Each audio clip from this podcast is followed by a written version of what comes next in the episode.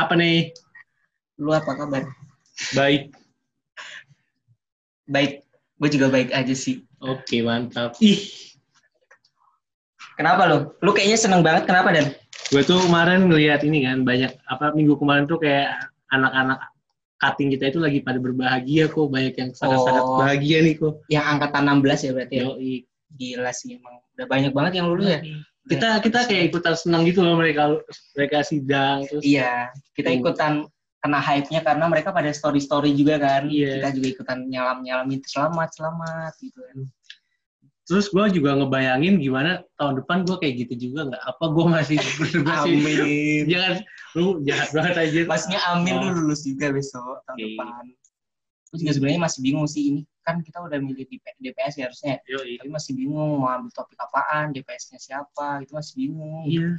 Oke, daripada lo bingung, Iya. kita sudah kedatangan seseorang. Weh, siapa tuh? Gue Siapa? bingung? Gue bingung kendalinya belum diberi. Seseorang yang udah lulus. Udah lulus ya ini ya? sudah ST, sidang, Udah sidang. sudah eh, 99,99999 Apaan persen anjing dia? ST, Wih, siapa tuh? Yaitu Henry Ruby. Yeay, welcome bang. Welcome. Mas Henry Ruby. Mana suaranya? Iya, Yoi. Say hi to our viewers. Oke, gimana eh, sebelumnya kita mau tanya dulu nih, gimana perasaannya udah akhirnya un unofficially udah ST bang? Gimana perasaannya? eh rasanya ya lumayan lega.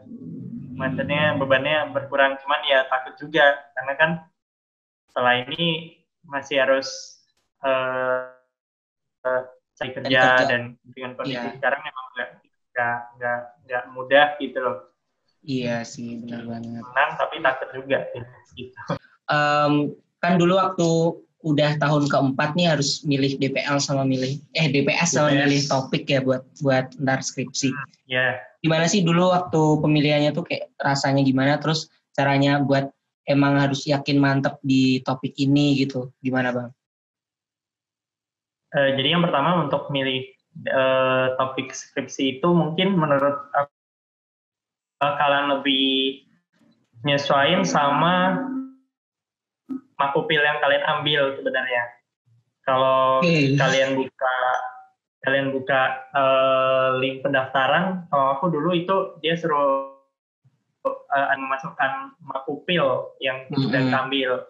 Nah, terus kan kita masukin eh, keyword keyword yang kita inginkan terkait topik skripsi kita. Nah, itu mungkin kalau aku dulu memang eh, lebih nyesuaiin sama dosennya juga sih, dosen yang aku pilih dan Ah, eh, kalau dari aku untuk milih dos DPS-nya sendiri itu em, lebih di apa ya? Aku kalau aku pribadi aku nyari dosen yang nggak terlalu banyak dipilih sama orang atau dosen yang hmm, eh, nggak terlalu jadi rebutan gitu biar pot, eh, biar potensi aku kelempar ke dosen lain itu nggak terlalu ya jadi lebih kecil gitu loh.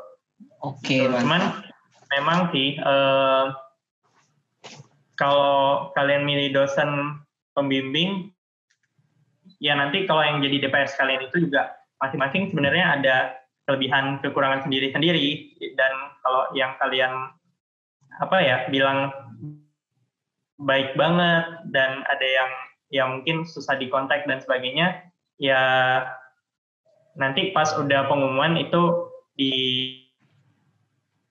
diterima aja karena menurut aku semua dosen sebaik apa pun atau segak segak baik apa pun menurut kalian itu eh, ujung-ujungnya pasti ada kelebihan kekurangannya masing-masing sebenarnya. Iya. Oke, gue mau nanya deh, lu dulu ngambil makupil apa aja mas? Waktu kuliah?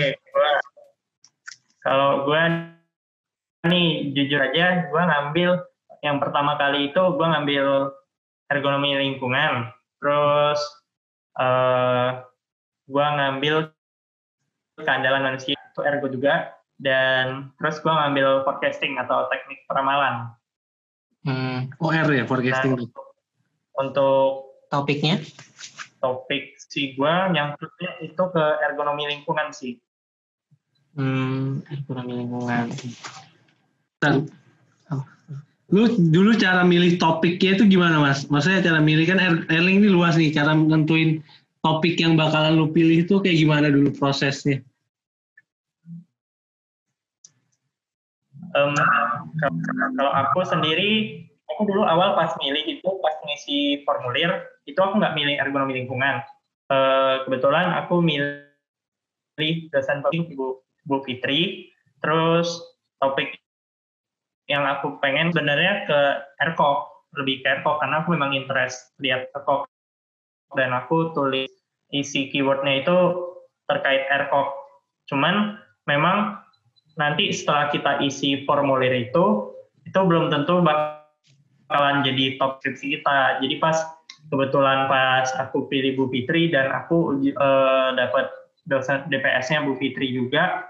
Nah untuk topiknya sendiri itu didiskusin lagi sama DPS-nya jadi pas kalian isi form itu nggak saklek jadi top bakalan jadi topik skripsi kalian gitu.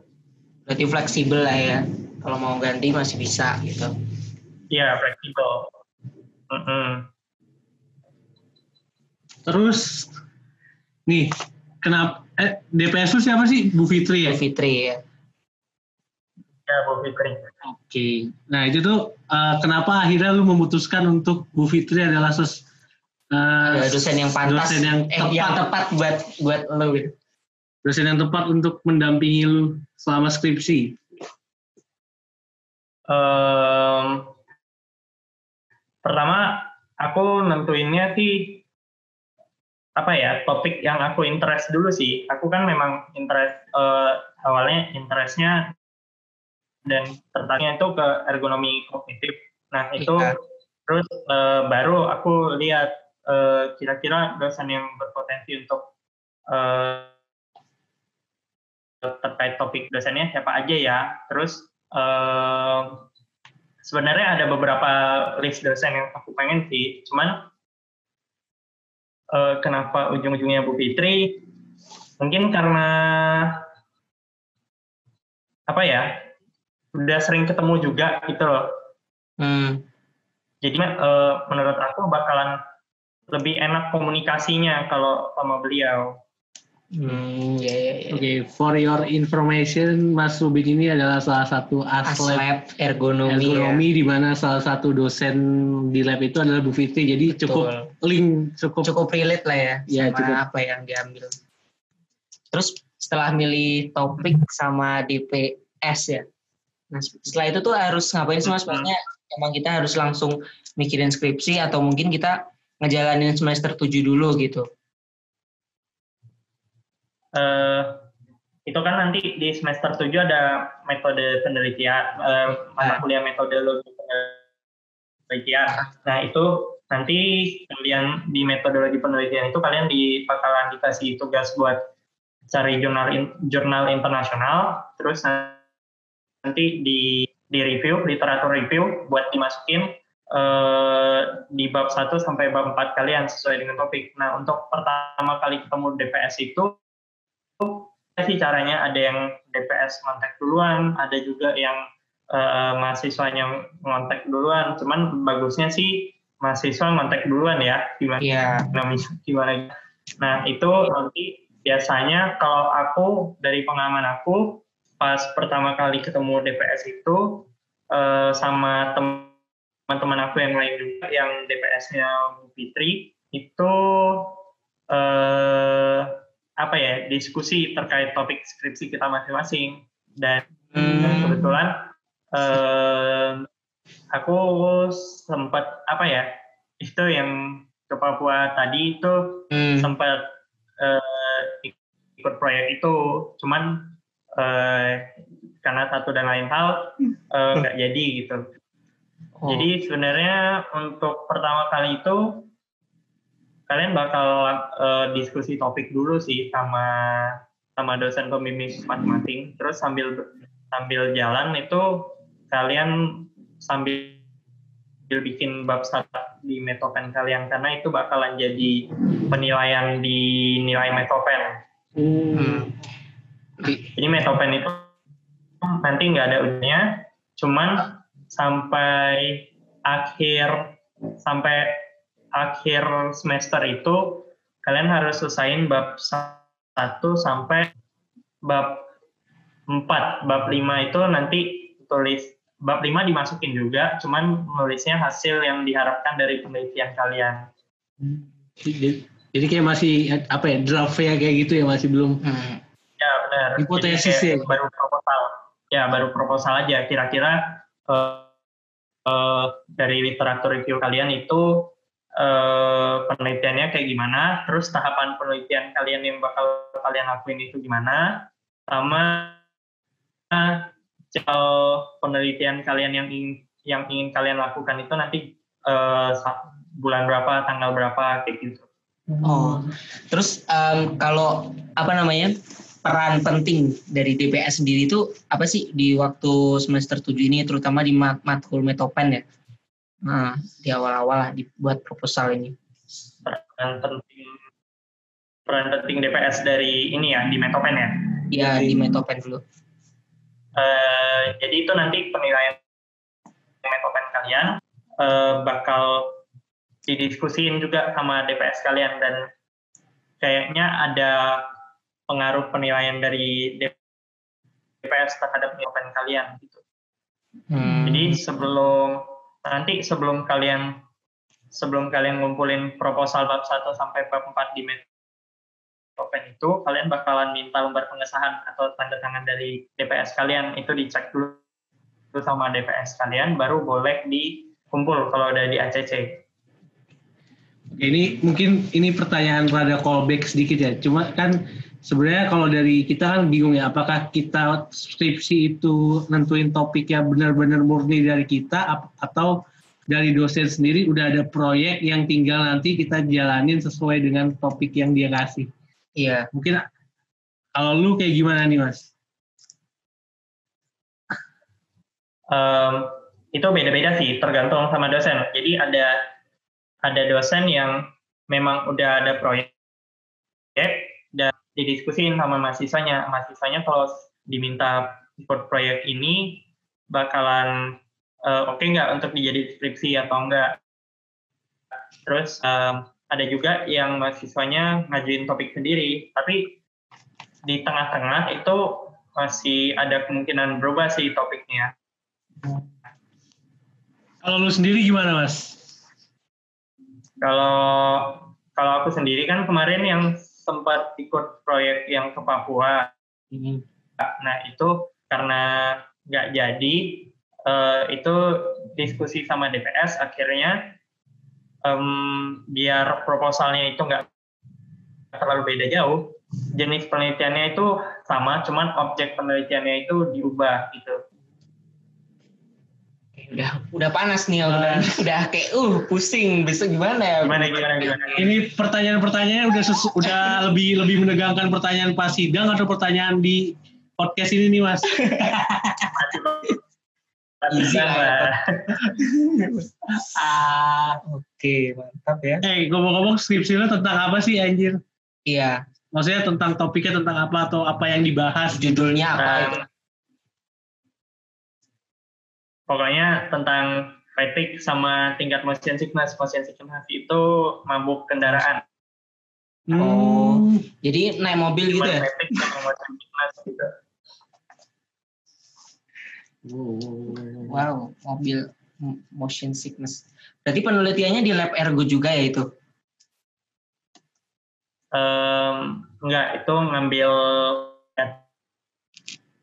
di tentang moda transportasi angkutan umum. Oh, di angkutan umum. Iya. Oke. Apa ya? Wah, udah bingung. Aduh, udah udah mulai panas nih, udah mulai memikirkan masa depan yang sangat-sangat Iya, keras soalnya- sepertinya. Insecure gitu loh sebenarnya. Kalau menurut Mas Rubin sendiri, skripsi itu mudah nggak sih?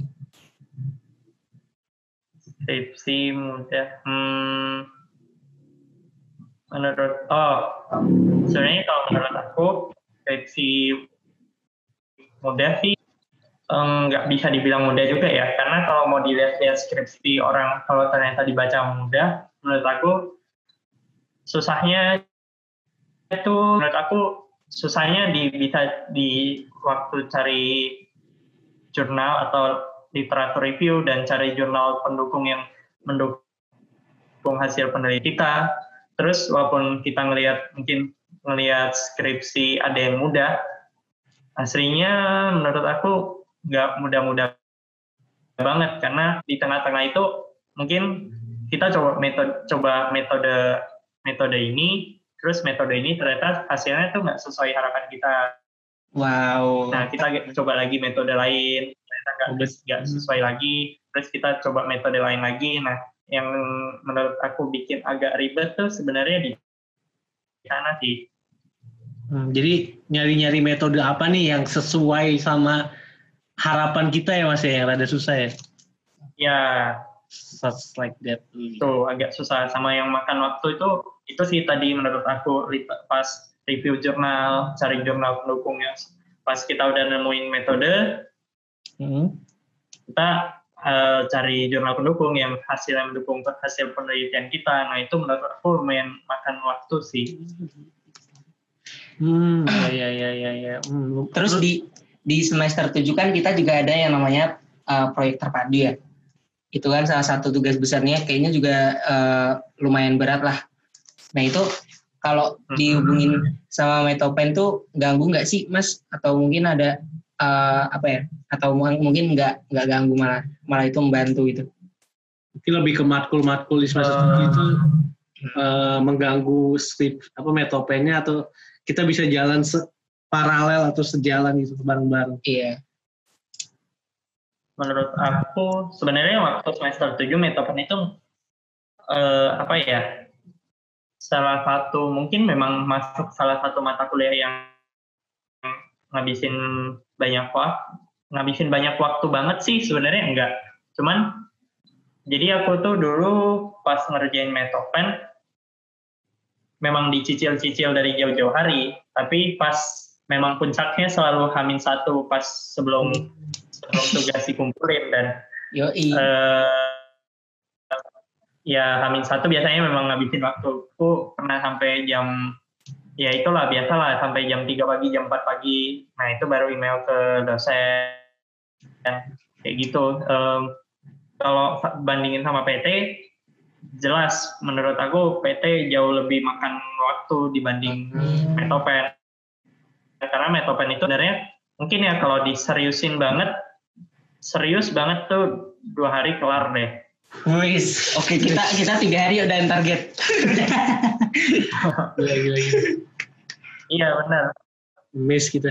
Ya gitu soalnya eh, kalau PT itu kalau nggak tahu ya kalau ini karena corona PT-nya entah aku nggak kebayang bakalan kayak gimana. Cuman kalau pas aku tahun lalu itu PT makan banyak waktu karena ambil data. Kita okay. harus bolak-balik tempatnya. Kebetulan aku dapat tempat ambil data itu lumayan jauh di pasar hewan tamat Anjir. Tanaman hias pasti itu di Bantul.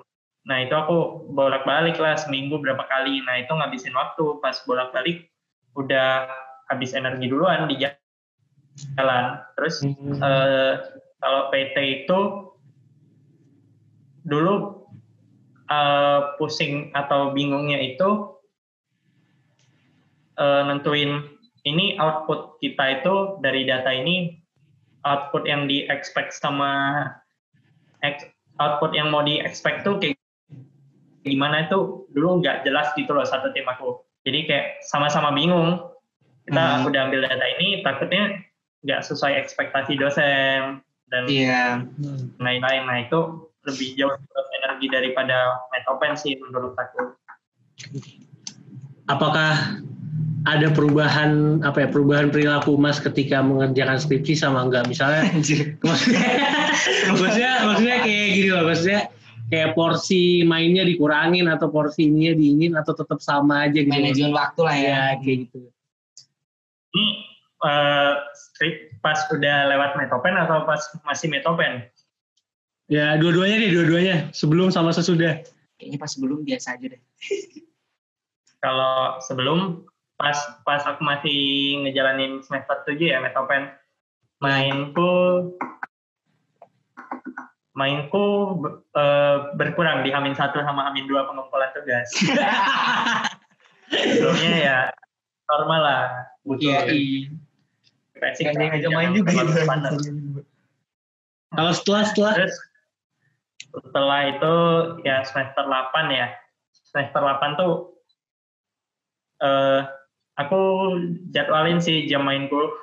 Jadi aku tiap hari masih ngerjain skripsi. Tiap hari itu pasti ada kecuali mungkin hari Minggu atau hari Sabtu kosongin sehari buat memang buat santai. Tapi ngikut kalau pergi hari kerja tetap ngerjain. Cuman ya bangun agak siang.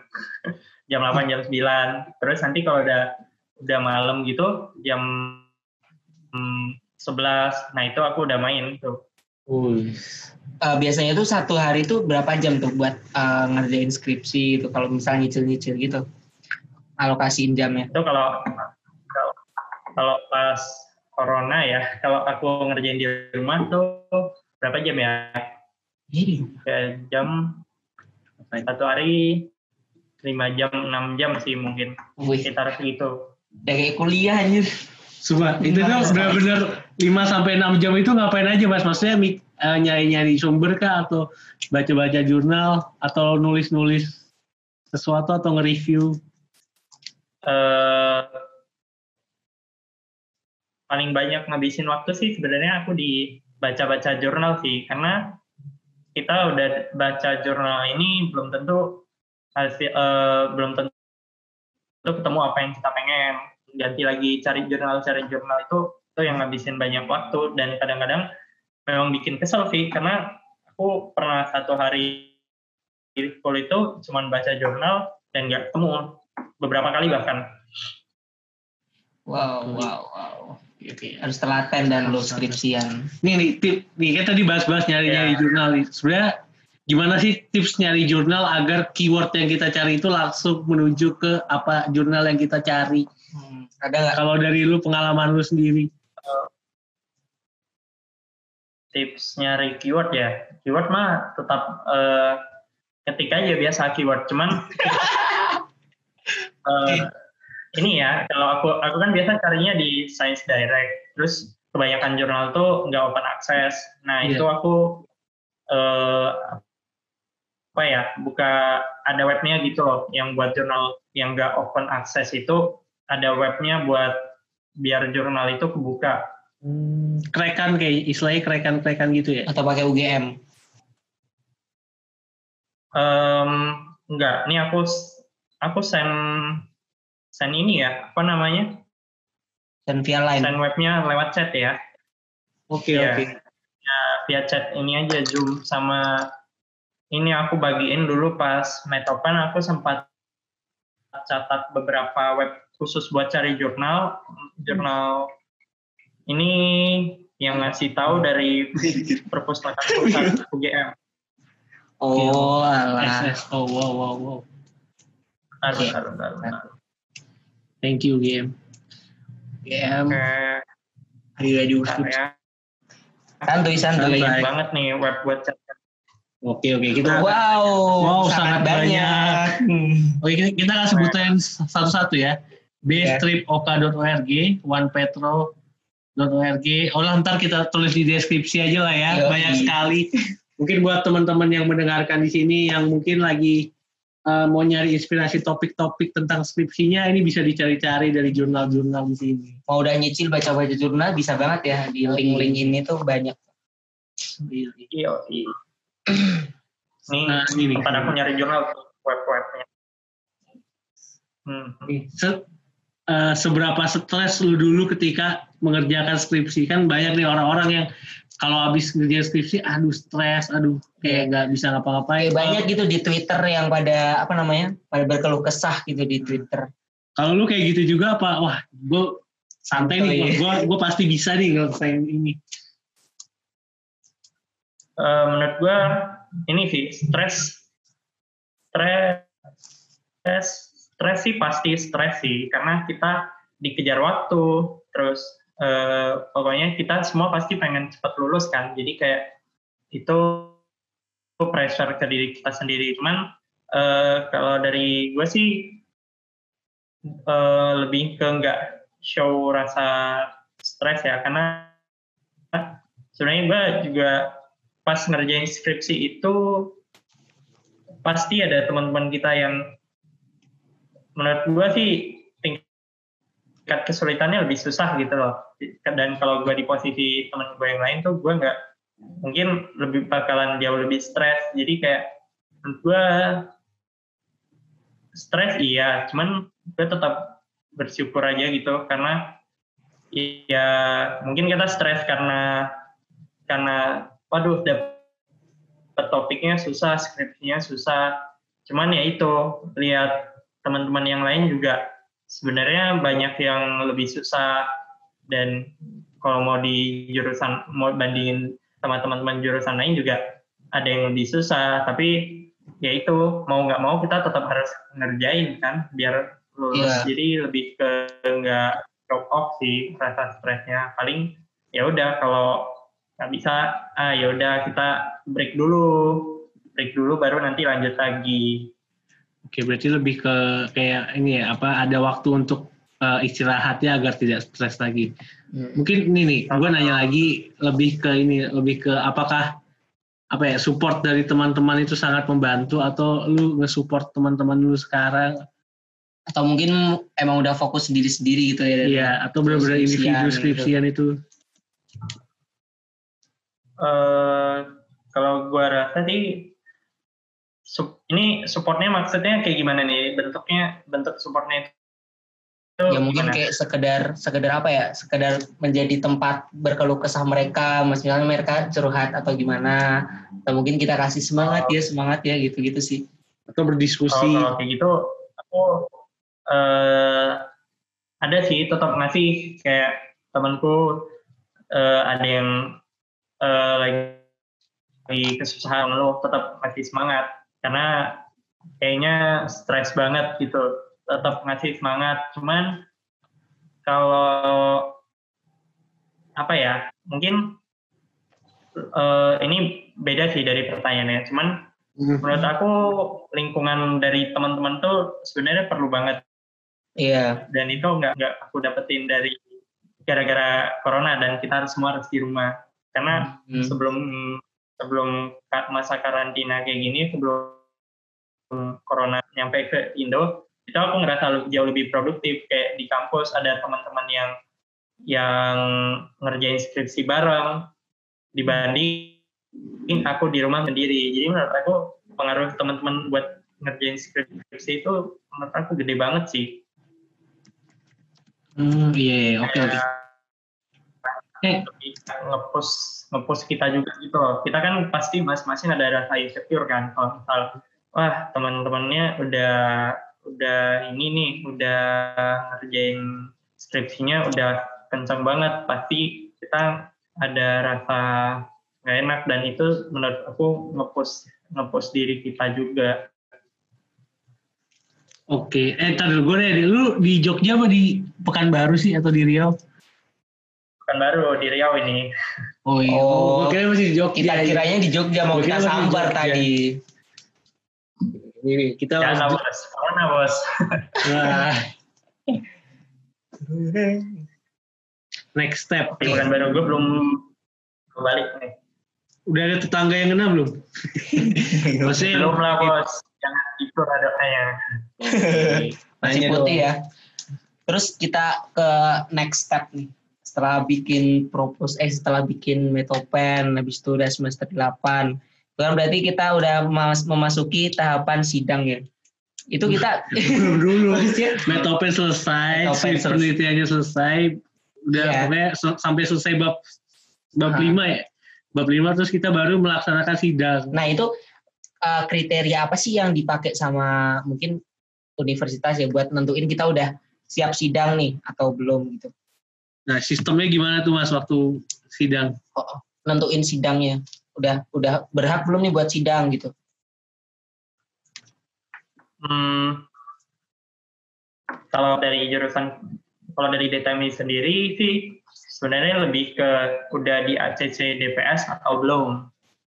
Uh, terus oh ya nanti itu harus ini ya ujian kompre. Nah ujian kompre itu pakai proposal bab 1 sampai bab 4 tadi. Apakah udah ready dan udah nggak oke okay sama DPS atau belum? Kalau belum berarti nggak bisa ikut kompre. Kalau udah ya berarti boleh ikut kompre bulan bulan bulan itu juga. Kalau udah submit proposal bab sampai bab 4. Nah, uh, ujian kompre itu de, apa masa aktif hasil ujian kompre kalau kalian lulus tuh enam bulan. Jadi kalau misal kalau kalian ujian lulus ujian kompre dalam enam bulan kalian belum sidang, itu berarti kalian harus ulang ujian kompre. Hmm. Wow. Gitu. Gitu.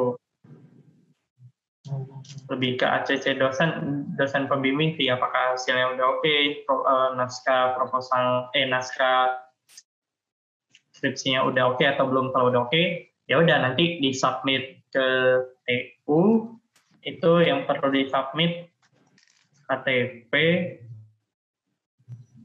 naskah skripsi sama ijazah SMA. Ijazah SMA. Oke. Okay. Oh, oh ya, sama itu kan syarat syarat buat sidang juga syarat buat daftar sidang juga kalau nggak salah pokoknya itu nilai semua maksudnya nggak nggak lagi nunggu ada nilai mata kuliah yang keluar gitu loh. Hmm. Oh iya. Uh, mata dengan kata lain mata kuliah kalian harus udah udah oke okay semua. Kalian nggak ada lagi ngulang mata kuliah dan lagi nunggu ujian atau lagi nunggu nilai keluar. Pokoknya nilai kalian udah oke okay semua itu baru boleh daftar sidang. Oh berarti nggak boleh kita lagi misalnya semester 8 ngambil matkul itu berarti masih belum boleh sidang ya mas? Harus benar-benar free nah, dulu. itu mungkin bakalan tunda. Jadi setelah nilai itu semua nilai keluar nah itu baru boleh daftar sidang Jai, berarti skripsi aja lah ya ntar semester 8. Nah, berarti semester 8 semoga kita tidak ada yang mengulang. Amin. Jadi bisa skripsi.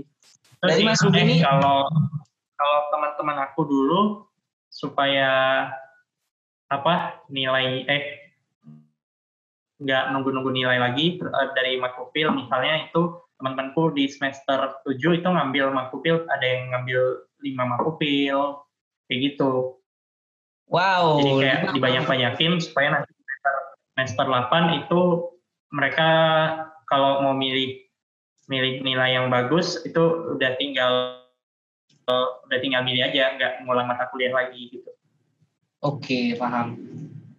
Oke, ini dari departemen nentuin jadwal sidang itu acak banget atau sesuai dari yang kita inginkan jadwal-jadwal kayak gitu keluarnya? Nah, kalau untuk jadwal sidang dari pengamatan aku itu gini kan, jadi kita daftar sidang misal bulan 6, terus nanti kalau udah berkasnya udah oke okay, semua, di, udah komplit dari TU, udah ACC dari TU, itu kita sidangnya di bulan selanjutnya di minggu kedua. Nah, itu kalau dari pengamatanku sih, kalau DTM itu semakin di bulan sebelum sidang itu, kalau misalnya kita semakin cepat submit itu kemungkinan bakalan jadwal sidangnya itu di awal-awal minggu kedua gitu loh. Kalau hmm. semakin mepet kalian dengan deadline submit naskah skripsi kalian itu uh, bakalan semakin di akhir jadwal sidangnya. Cuman ini menyesuaikan juga sama teman-teman satu DPS kalian.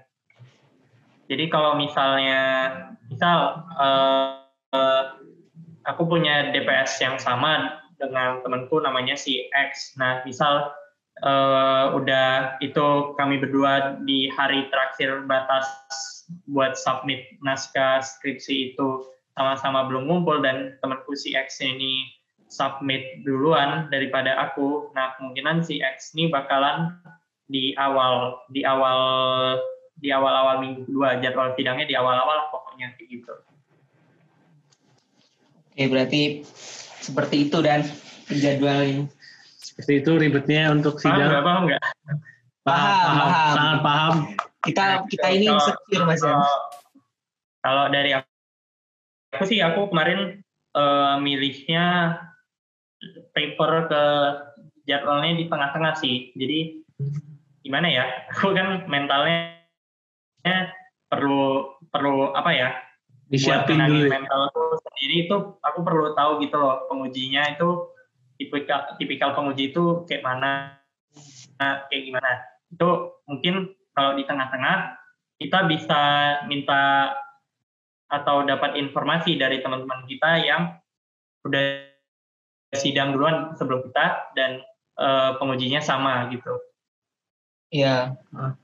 Cuman kalau terlalu akhir aku juga nggak mau karena nggak tenang kan kalau, kalau misalnya di minggu hari-hari misal hari minggu-minggu terakhir gitu itu semakin lama kita tunda juga semakin nggak tenang kita.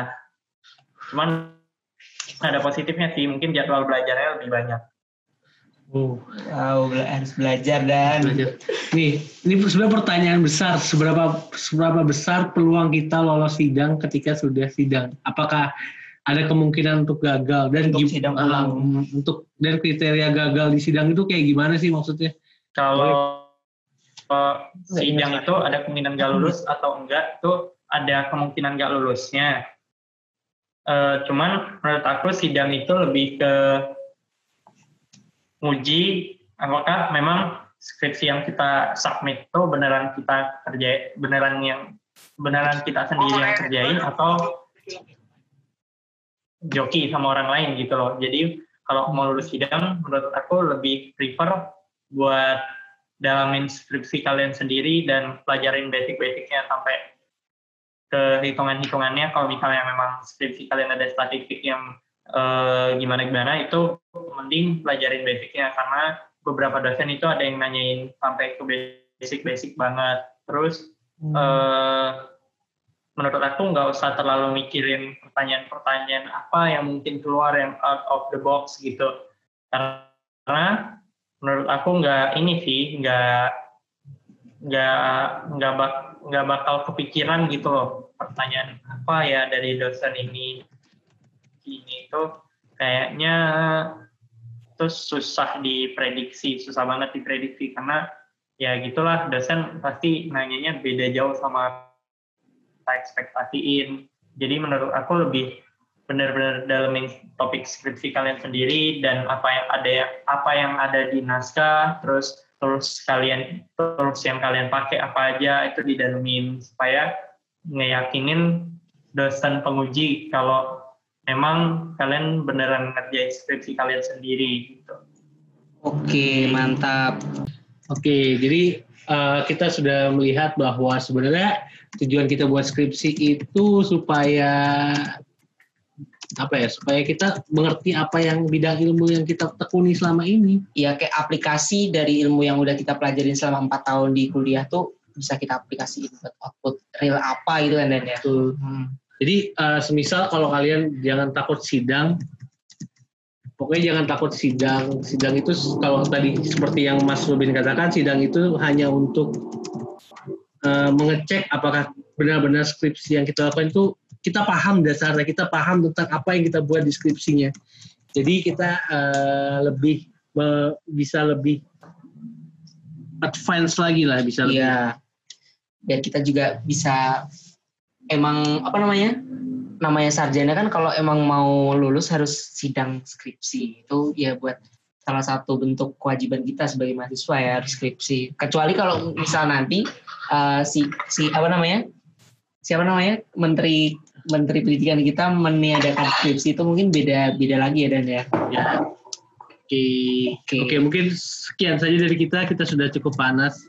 Dan Oke. semangat para pejuang skripsi angkatan 2017 ya. Tahun depan kita uh, di masa-masa yang kurang enak ini semoga pandeminya segera berakhir dan Amin. keadaan kembali normal supaya kita bisa Amin. penelitian dengan normal dan kita bisa melakukan penelitian sesuai dengan apa yang kita ekspektasikan di zaman dahulu dan supaya hasilnya menjadi lebih baik. Terima kasih semuanya. Benar. Goodbye. Terima kasih Mas Rubin. Terima kasih Mas Rubin. Sama-sama guys. Oke. Goodbye. Goodbye, thank you.